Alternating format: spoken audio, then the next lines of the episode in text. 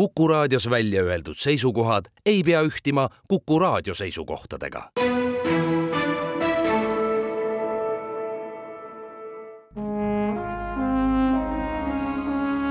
Vanemuise veerand. tere, head Kuku raadio kuulajad, tere, hea külaline, lavastaja Elmo Nüganen, tervist! mina olen saatejuht Tiiu Rööp. neljandal novembril esietendub Vanemuise teatri väikeses majas Georg Friedrich Händeli ooper Julius Caesar. See ongi see põhjus, miks me täna kokku saime. Händelit loetakse õigustatult barokkooperi üheks suurimaks autoriks ja tema ooperit Julius Caesar Händeli loomingust üheks parimaks. originaalis on see ooper itaalia keeles, kuidas ta Vanemuises tuleb? Vanemuises tuleb ka itaalia keeles, nii nagu ikka kombeks on ja, ja ikka ka eestikeelse tõlkega, et ülevalt saab lugeda. Üks oluline asi, mida ma ikkagi olen mõelnud öö, ooperiga seotult, et öö, laval toimuv võib olla ju ka niisugune, et inimene ei pea kogu aeg pilk sinna üles olema suunatud ja kogu aeg lugema, ehk on võimalik ka lavastada ka niimoodi, et inimene saaks laval toimuvast aru, ilma et oleks väikest abi ja väikest spikrit kogu aeg vaja seal üleval. Et see on ikkagi mul niisugune kuklas kogu aeg niisugune asi, mida, mille peale ma proovis kogu aeg ikkagi, mida ma arvestan kogu aeg selle, selle inimesega, kes saalis istub. küsimusel, mis keeles ooper kõlab, oli väikene tagamõte, kui ooperi esietendus, tuhat seitsesada kakskümmend neli oli see tore aasta, siis pärast seda tegi Händel korduvalt ooperisse lisandusi, sellepärast et toonase aja ütleme nii, et tõelised staarid, lauljad tulid autori juurde, ütlesid, et ma tahaksin ühte aariat veel, kus ma saaksin demonstreerida, kuivõrd võimekas ma olen. ja mis siis autoril üle jäi, ta kirjutas neid aariaid sinna juurde järjest. Nende aariate tekstiline sisu on selline, et kui see kõlab itaalia keeles, siis ei ole see noh, häiriv, aga eesti keeles võib tõesti tekkida küsimus, kas peale selle vokaalse virtuooslikkuse on selle taga ka midagi mm. -hmm. Teie kui lavastaja jaa, no, no kõigepealt silmist on, on paslik rääkida sellest, et äh, lugu ise pärineb ju, kui me räägime story'st või süžeest, faabulast, pärineb antiigist, muusikaline arusaam ja muusikaline maitse pärineb barokist ja seda lugu tehakse ju üldse praegu Anno Domini kaks tuhat kakskümmend kolm, kus meil äh, Euroopas käib sõda, Lähis-Idas käib sõda, paljud konfliktid eri riikides, sise- ja välispoliitilised pinged, mingisugune tume raev ja, ja mittemõistmine istub paljudes sees.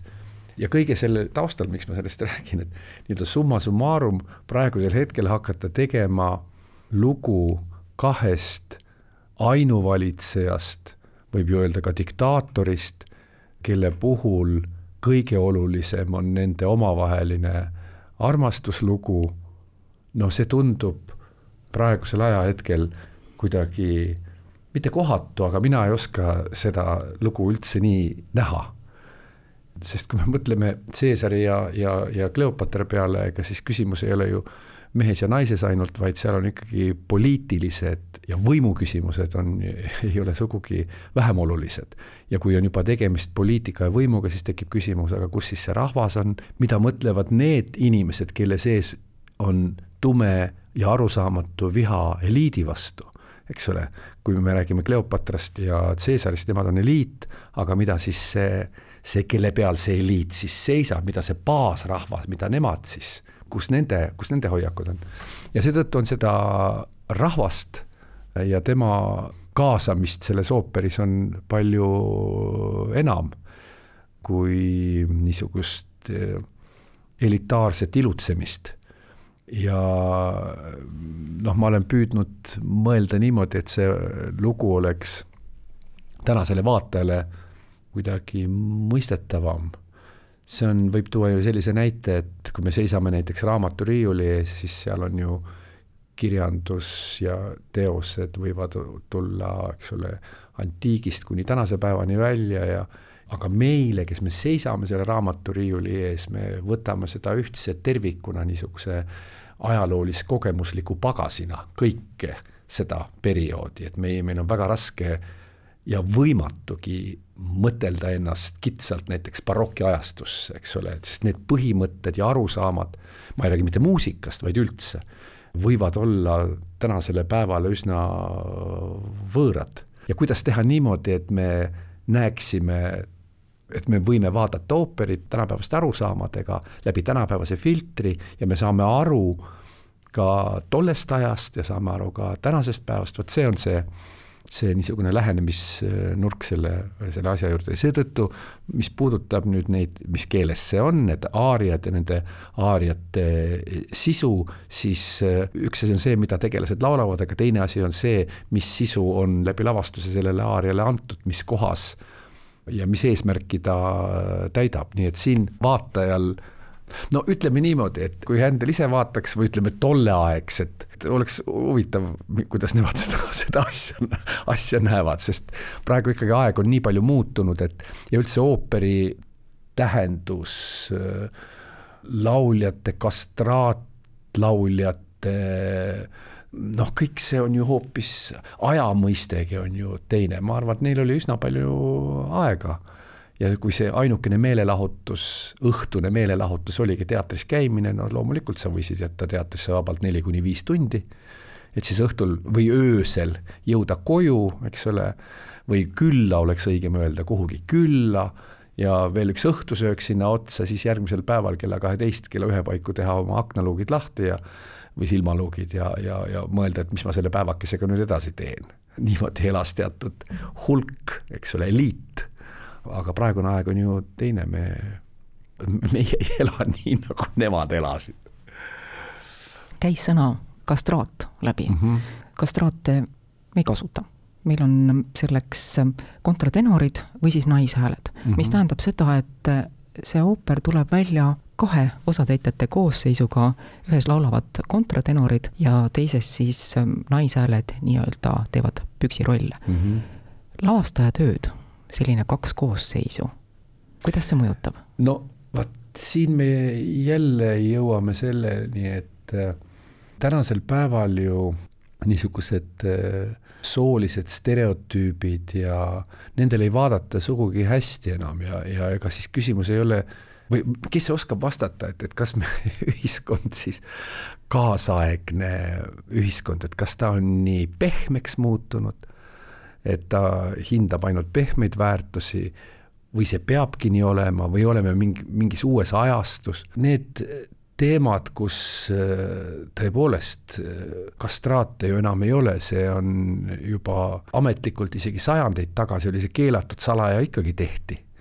viimane kastraatlaulja vist on heliplaadi või ta on vähemasti salvestatud ja ta lahkus siit ilmast kahekümne sajandi alguses et äh, praegu on see kõik, on see teema paneb igal juhul mõtlema. kui nüüd küsimus on selles, et, et kas need tulevad kaks täiesti erinevat lavastust, ei tule kaks erinevat lavastust, aga mingisuguse kummalise niisuguse rõhuasetuse teeb ta küll ja praegusel ajal noh, lihtsalt näha naisterahvast sõduri vormis, see on ju noh, see on mõeldav täiesti ilma igasuguse mingi aeg oli see täiesti mõeldamatu või, või see tundus kuidagi ei tea millena siis, noh, siis sa olid, lõpetasid nõiana, eks ole, laadaväljakul kusagil, noh, Jeanne d'Arci lugu, eks ole, et, et mispärast naine peab olema mingisuguse väe eesotsas, kuigi Kleopatra oli, oli, eks ole, aga noh, Kleopatra oli naisena. et ühesõnaga, see teema on siin lavastuses niimoodi sees, aga eks vaataja ise otsustab, kuidas ta seda, seda asja näeb ja hindab. barokkajastu külluslikkusest, mida võib öelda ka barokooperi kohta, me natukene rääkisime. lavastuse kunstnik on Kristjan Suits, kes on tuntud pigem minimalistliku lähenemisega. kuidas barokooper ja Kristjan Suits omavahel klapivad? no nemad klapivad hästi, ma arvan, andekas inimene, nagu Kristjan äh, on, et ta, äsja oli tal esietendus äh, balletimaailmas Tartus siin, et talle sobib, ta on lihtsalt hea, väga hea, väga hea kunstnik. aga üks, mida ma tahaksin võib-olla mainida, on see, et nii nagu loo alguses oli juttu sellest, et siin on mitu ajastut, eks ole, moodustavad selle pinnase, selle lavastuse tekkeks, et kõigepealt antiik, siis barokk ja siis tänane päev ja õigupoolest kõiki neid, neid kolme ajastut me ka tajume või, või, või tänapäeva vaataja tajub seda, et, et ühtviisi võime me mingil hetkel tajuda barokki, mingil hetkel tajuda, no õigupoolest barokki võib kas või läbi terve ooperi tajuda, sest muusikakeel on niisugune, eks ole, händel, aga et mingil hetkel on nagu ühe ajastu puudutus, teisel hetkel on tänase päeva puudutus, et ja sama on ka siis äh, lavakujunduse ja noh, kostüümide ja kõige sellega. et ähm, jah, et rikkalikkus, see on ka, omandab võib-olla teise tähenduse. ma saan aru, mida on silma, küsimuse all silmas peetud, aga, aga see baroklik ülevoolavus või, või et, et milles see ülevoolavus äh, seisneb, võib-olla vaataja, kui ta vaatama tuleb, võib-olla märkab ka midagi niisugust, et äh, kas see on just ülevoolav barokk või, või mis, mis see seal üle voolab, eks ole. et seda võib ju vaadata ise, vaata ise võib panna nime sellele, mida ta näeb. kas ma intrigeerida võin? jaa, loomulikult. koostöö Vanemuise teatriga, koostöö Vanemuise muusikajuhi ja peadirigendi Risto Joostiga sai alguse juba kaks tuhat kakskümmend üks, kui esietendus Don Giovanni mm. -hmm. nüüd on väljas, kohe varsti väljas Julius Caesar vanasõna ütleb, et ega kaks ilma kolmandata ei jää. jah, me ei ole rääkinud sellest veel ja, ja jah, jah, muidugi võib vahel niimoodi olla, et ei jää ilma kolmandata, vahel võib jääda, ega pime kana leiab vahel tera, vahel ei leia ka, eks ole. Sellest korrast, kui ta ei leia, ei räägita. Et, et siin on kõik, kõik võimalik, praegu meil mõtleme ühe asja peale, et ikkagi lugu välja tuua ja siis vaatame edasi. Ma võin siin ükskõik mida, mida rääkida selle lavastusega seotult, aga noh, üks, mis on tegelikult kindel ja mis on noh, tõesti, mis on, nii see on, ja see on see, et tegelikult on see kõik ikkagi kokku üks mäng. mäng siis Caesari ja Cleopatraga, mäng baroki ja Händeliga, kunstilise liialduse ja teatriga, tänase päeva ja ajalooga et see on ainus asi, mis, milles võib olla kindel, et see on ikkagi mäng. ega ooperiga maailmat ei muuda ja maailmat täiesti ära ka ei seleta.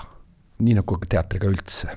et eh, see on ikkagi parimal juhul niisugune mõtteline, filosoofiline, kogemuslik mäng, teater ja, ja noh, eks see on ju ka üks osa, mida meie teeme sellest samast asjast, mängust.